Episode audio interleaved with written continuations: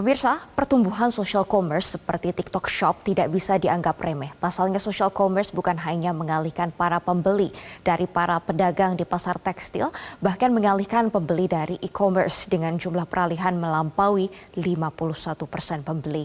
Sebelumnya kami telah mencoba menghubungi pihak TikTok Indonesia untuk memberikan tanggapan mengenai larangan social commerce, namun pihak TikTok belum berkesempatan untuk hadir dan memberikan keterangannya kali ini.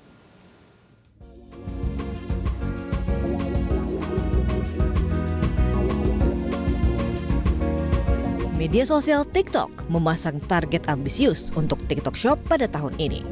Transaksi penjualan dipatok sampai 20 miliar dolar atau setara 297 triliun rupiah, naik lima kali lipat dibanding tahun lalu.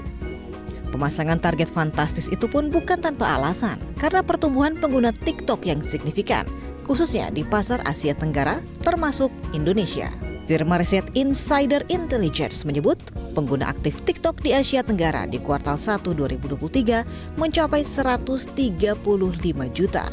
Dengan Indonesia sebagai pemberi kontribusi terbanyak sebesar 113 juta. Besarnya potensi TikTok Shop patut membuat pemain lama e-commerce panas dingin.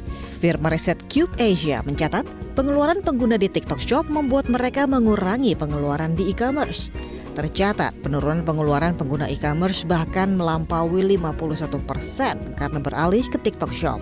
Transaksi penjualan e-commerce sejauh ini memang masih di atas e-commerce seperti TikTok Shop. Namun sebagai pemain baru, pertumbuhan signifikan dari TikTok Shop pantas disebut sebagai kompetitor terkuat yang berpotensi menggerus dominasi e-commerce. Tim Liputan Metro TV. Jelajahi cara baru mendapatkan informasi. Download Metro TV Extend sekarang.